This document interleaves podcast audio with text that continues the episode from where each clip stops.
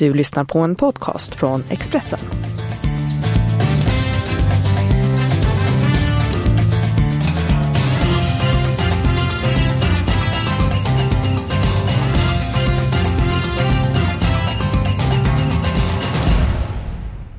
Mina damer och herrar, det smällde ordentligt i veckan. Det är inte närkamperna i Premier League jag syftar på, för det smäller alltid i England. Men den ena skrällen efter den andra blev ett eh, faktum. Och det var faktiskt bara Tottenham av topp 6-lagen som eh, vann. De vände underläge och vann mot Watford. Magnus, eh, hur förklarar du eh, veckans skrällar i England? Man kan börja med att säga att det var säkert väldigt välbehövligt och skönt för Tottenham att få en seger utan Harry Kane. Och känna att man liksom eh, kan vinna även om inte deras eh, kapten och, och, och stjärna är med. Ja, det var en, det var en absolut resultat som stack ut och en väldigt fascinerande omgång att, att följa. Paul Trafford fick man en gammal eh, Alex Ferguson-känsla. Eh, fick jag i alla fall. Eh, när eh, United kom tillbaka från 0-2 underläge mot Burnley. Att de sista fem minuterna gör man ju två mål. Och det var ju mycket så på Fergusons tid att man gjorde mål i slutet.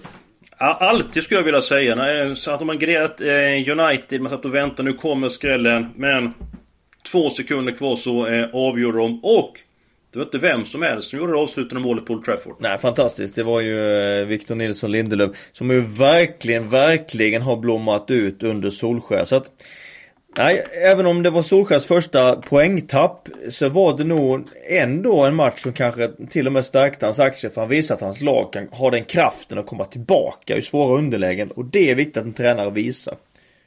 Det är en väldigt viktig egenskap. Vi åtta raka segrar. Eh, låg illa till mot Burnley. Det blev då ändå en poäng och United är inte med på eh, Stryktipset den här veckan.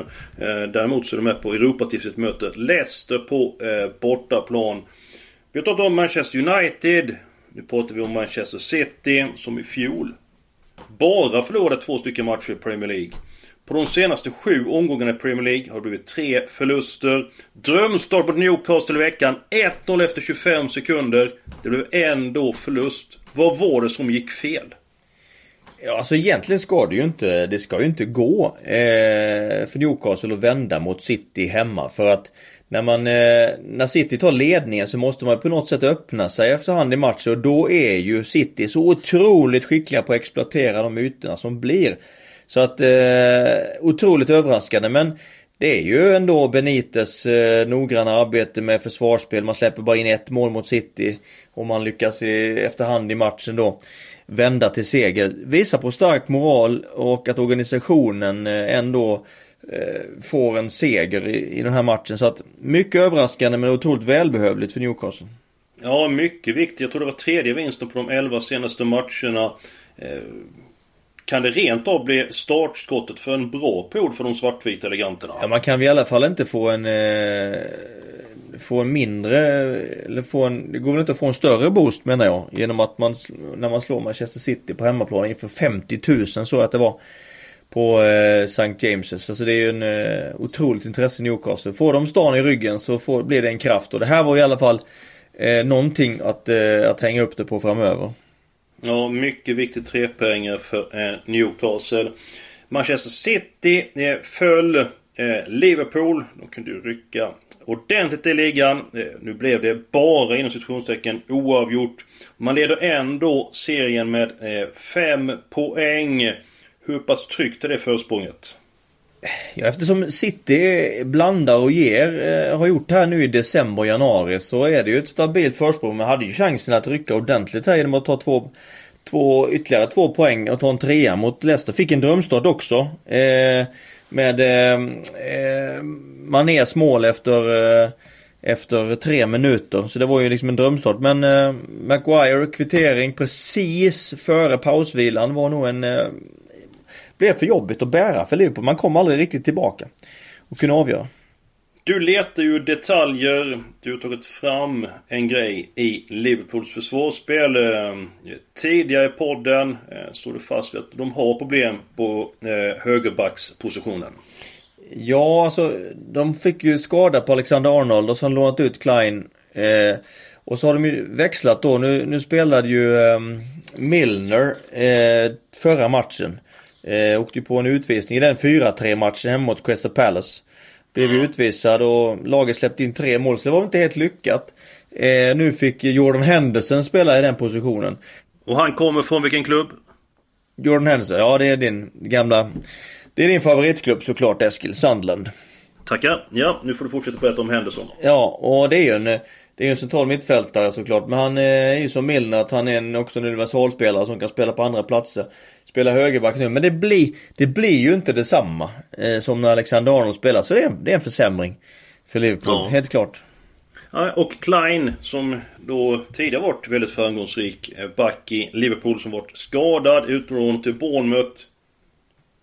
Bournemouth, Chelsea 4-0. Såg du den komma? Nej, det gjorde jag inte. Eh, Chelsea som behöver varje poäng, slåss med kniven på strupen för att klara Champions League-platserna. Åker på fyra mål i andra halvlek, viker ner sig. Eh, Sarri otroligt eh, frustrerad, bekymrad efter matchen. Och eh, tvivlade egentligen på sin egen förmåga att kunna motivera spelarna. Men alltså det ska vara omöjligt för för en så bra spelare att släppa in fyra mål på en halvlek mot Bournemouth. Alltså jag säger att det, det är extremt förvånande och egentligen bedrövligt av, eh, av spelarna. Ja, nej, men jag håller med dig. Jag är förtjust i Bournemouth. Eh, I fjol var det faktiskt det lag som vände flest underläge till segrar i eh, Premier League. Jag tycker om den fighting spirit som finns i den klubben.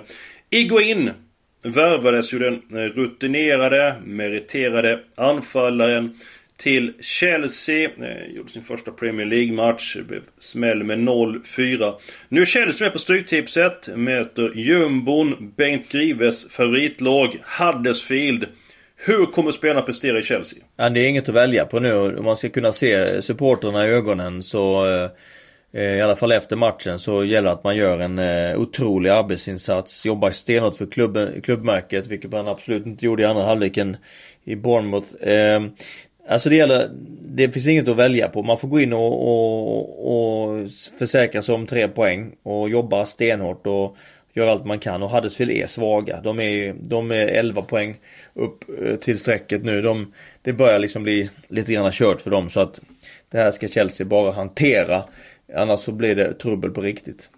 Ja, eh, Huddersfield har bara tagit 11 poäng som du säger. Så de har 12 poäng upp till eh, fast mark. Jag tycker vi spikar ettan i match nummer ett. Eh, inte speciellt, eh, speciellt tuff spik, men det var faktiskt bara så att det var tre stycken som hade alla rätt på Stryktipset i förra veckan. Då var FA-cupen med på kupongen. Manchester City vann, Leeds vann. Men belöningen blev ju ändå enorm för 13 rätt. Match nummer 5, Crystal Palace. Christian Benteke, skyttekungen. En av lagets absolut viktigaste spelare. Satt på bänken senast. Han kommer att bli en stor tillgång för Crystal Palace under våren. Fulham vände ett hotfullt 0-2 underläge eh, över till seger eh, senast. Eh, Ändå tveksam till att man ska kunna gå i närkamp med Crystal Palace. Och spel på bortaplan har ju inte varit framgångsrikt för Fulham. Två poäng på 12 stycken försök till är rena rama ynkedomen. Och så ska vi ha en spik till. Match nummer tre.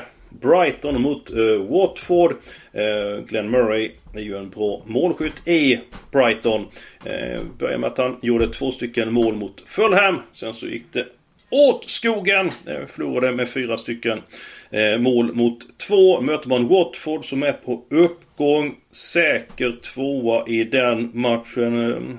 Hur känns det för dig med att spika Watford? Jo, jag gillar Watford. Eh, jag tycker att eh, det finns en eh, tendens till en, en dalande kurva i, i Brighton. Jag tror att de i slutändan blir indragna i när det är en 3-4 omgångar kvar tror jag de är indragna i nedflyttningsstriden faktiskt. Så att jag tror att de har sin bästa period bakom sig och sin sämsta period framför sig i årets serie. Börjat släppa in lite mer mål än tidigare. Mm. Illavarslande tecken. Så jag, jag köper tvåan på Watford. Det är framförallt det som jag är orolig för. För att de har alltid varit bra bakåt. Eh, Brighton, Glenn Murray. Eh, haft lite måltorka men nu bröt de förbannelsen. Och jag tror att den här förlusten att leda med 2-0 över Fulham, nästjumbon efter en kvart och sen släppa in fyra mål. Det tror jag påverkar självförtroendet. Och en annan sak som talar för Watford att avbräckan i Watford är betydligt färre än tidigare. Vi har pratat om att Chelsea har förlorat med 4-0, att Brightons försvar inte varit lika bra på sistone. Vi går till Serie A i veckan. Fiorentina, Roma 7-1. Och det var Robin Olsson som stod i mål för Roma. Den svenska landslagsmålvakten som var så framgångsrik i VM.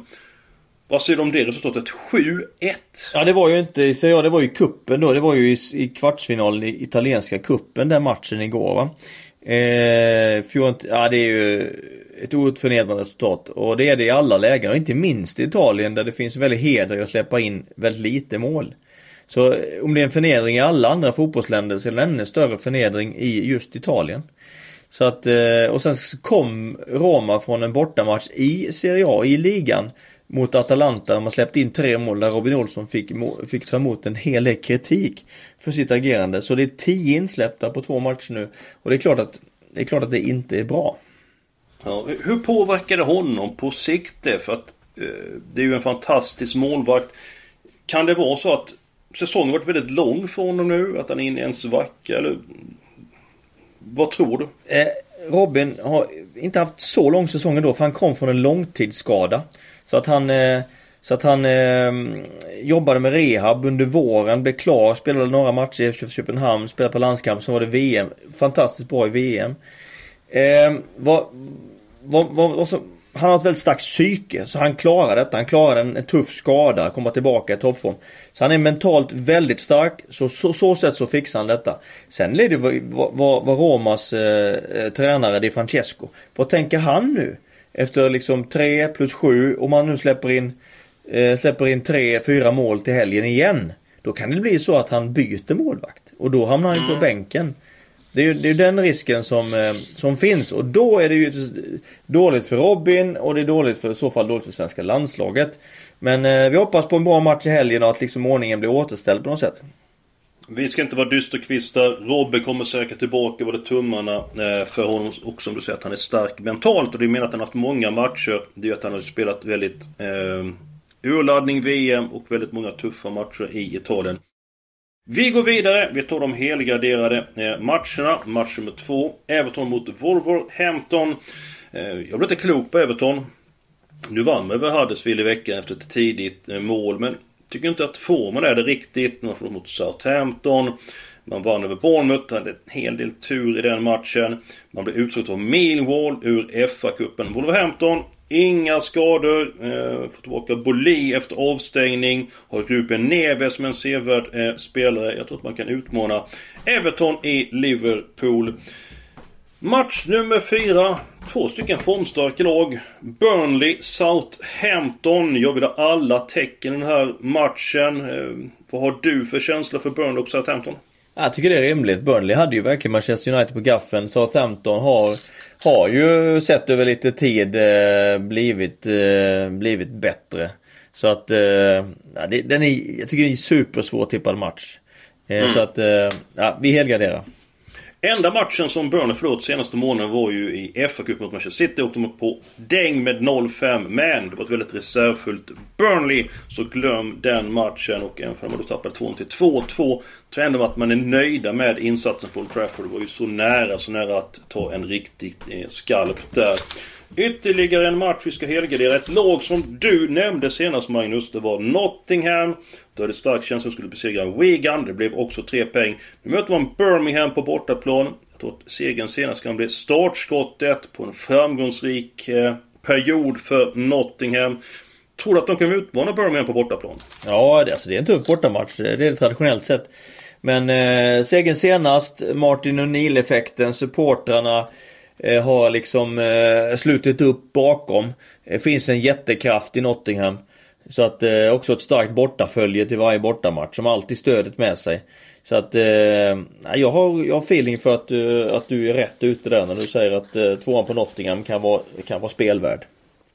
Den kan fälla många spel och även krysset kommer att rensa bra. Vi ska snart gå på de eh, halvgarderade matcherna. Att eh, fotbollen på gång här hemma är kanske lite optimistiskt att säga när de flesta har snö utanför fönstret. Men Allsvenskan är inte så långt borta. Träningslägena är igång, träningsmatcherna är igång och det har hänt ett par nyheter i Sverige. Du får berätta om någon Magnus. Ja, snackisarna sista veckan är väl, en är väl i alla fall att Jiloan Hamad har bestämt sig för att flytta från Hammarby till Sydkorea, till Oncheon United. Mm. Eh, då kan man tänka varför gör han det då? Eh, ja, ekonomiska skäl troligtvis. Ja, det är ju det såklart. Alltså Gille har gjort det jäkligt bra i Hammarby. Inte minst eh, Ja, han gjorde det fantastiskt eh, hösten 17 och eh, våren 18 var ju otroligt eh, bra tycker jag. Var ju Hammarbys bästa spelare i mitt tycke. Sen är det klart att han, han kom med, till, han kom med i januariturnén eh, i början på året, förra året. Och hade väl liksom lite, lite sniffade väl lite på VM en plats i VM-truppen men blev väl en av tre, fyra spelare som hamnade precis utanför.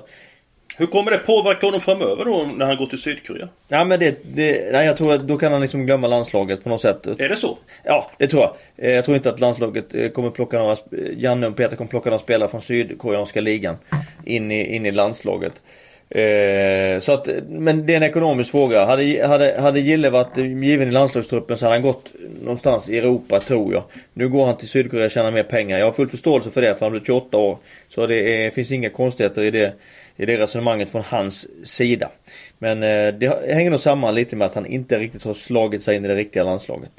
Mm. Ja men jag köper det. Jag har ingenting emot att folk tjänar pengar och en fotbollskarriär är kort och vi önskar honom lycka eh, till. Eh, Trelleborg har också en hel del att, eh, eller har en del att glädjas åt. Eh, du får utveckla vad jag syftar på. Jag blev ju av Mellby Gård och lovade Rune Andersson med son lovade 50 miljoner här på några år och eh, det är klart att det stärker upp förutsättningarna. Vi vet att pengar är viktigt i det här eh, spelet och styr väldigt mycket så det är klart att det ger eh, Trelleborg bättre förutsättningar. Sen, sen är man ju fortfarande en bit ner i näringskedjan och och det ändrar inte allt men det ökar i alla fall ändå möjligheten att till att börja med hävda sig i superettan och eh, ta sig upp i allsvenskan igen. Det är ju liksom steg ett. Och sen så vill man etablera sig topp 10 i allsvenskan och det krävs, det krävs jättemycket för det. Det är svårt på alla sätt. Och det är inte så lätt att hitta hitta spelare och gör, göra eh, kanonaffärer även om man har fått lite mer pengar. Men visst, det är en jättepositiv nyhet likväl för eh, Trelleborgs FF.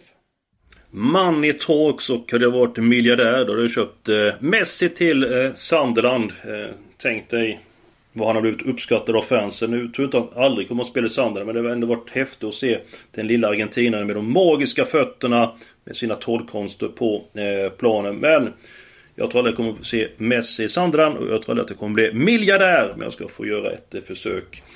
Ska vi ta de halvgraderade matcherna Magnus? Det gör vi väl som eh, en lämplig avrundning va?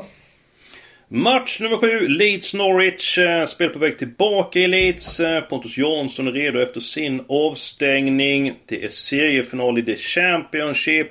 Din känsla mellan Leeds och Norwich? Ja, Norwich har ju också gjort det bra. Jag har pratat om Leeds eh, väldigt mycket i det här i det här, den här podden. Men ehm, det blir en, det blir en kanonmatch i ett fullsatt Ellen Road 34 000. Det kommer koka. Eh, Leeds knappa favoriter ska vara så men eh, visst, etta kryss känns ju bra.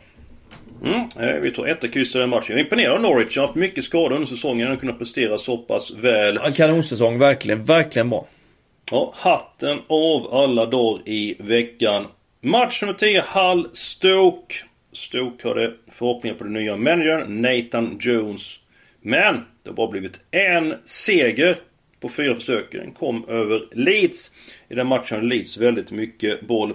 Hall har vi lyft fram många gånger de senaste veckorna. Man har spelat bra, man har avancerat i tabellen. Nu kanske formen är på väg ned. Man tappade ju ledningen bort mot Aston Villa. blev 2-2. Det är ett bra resultat i alla fall. Så åkte på en riktig chans mot Blackburn 0-3. Helst vill jag ha alla tecken i den här matchen. Men jag får ta ställning för att bli ett kryss. Och match nummer 11. Reading, Aston Villa. Reading ledde med 1-0 över ditt Bolton i veckan. Tappade segern. Blytung trepoängare på stopptid då Bolton kvitterade på straff. Möter Aston Villa som Ja, nu vann man över Ipswich senast men ändå tveksam till formen. Nyckelspelare saknas. Trots att Reading Tappade segern på slut, i slutminuten senast och självförtroendet inte på topp. Så vill du gå på 1-2 i den matchen för Reading är inget poängbehov. Vad säger du om Aston Villa? Man blir inte heller riktigt klok på dem. Det, det, det, finns, det, det, är en jäkla tuff serie. Alltså det, där formen går väldigt mycket upp och ner i många lag. Därför gör det så både spännande och svårtippat. Eh, men om vi går på etta, tvåa så vet vi att då vi i alla fall när klockan har passerat 90 minuter så är vi ju, är vi ju med. Eh, i matchen. För skulle det stå oavgjort så räcker det ju med ett mål på stopptid för att vi ska få rätt på vår, vår tipskupong. Så att 1-2 är väl en, är väl, är, blev bra. Det var optimistiskt sagt att efter 90 minuter så är vi med och skulle det oavgjort så kan det bli mål. Ja så. men är, så är matchen avgjord så är det ju bra för vår del. För vår del. Men det oavgjort så har vi ju chansen. Absolut, det blev 1-2 den matchen. Det var allt för den här veckan. Eh, nu kommer den här podden avspark. Ta ett par veckors uppehåll. Men vi är tillbaka om en 3-4 veckor. Och eh, fram till dess så får ni ha det riktigt, riktigt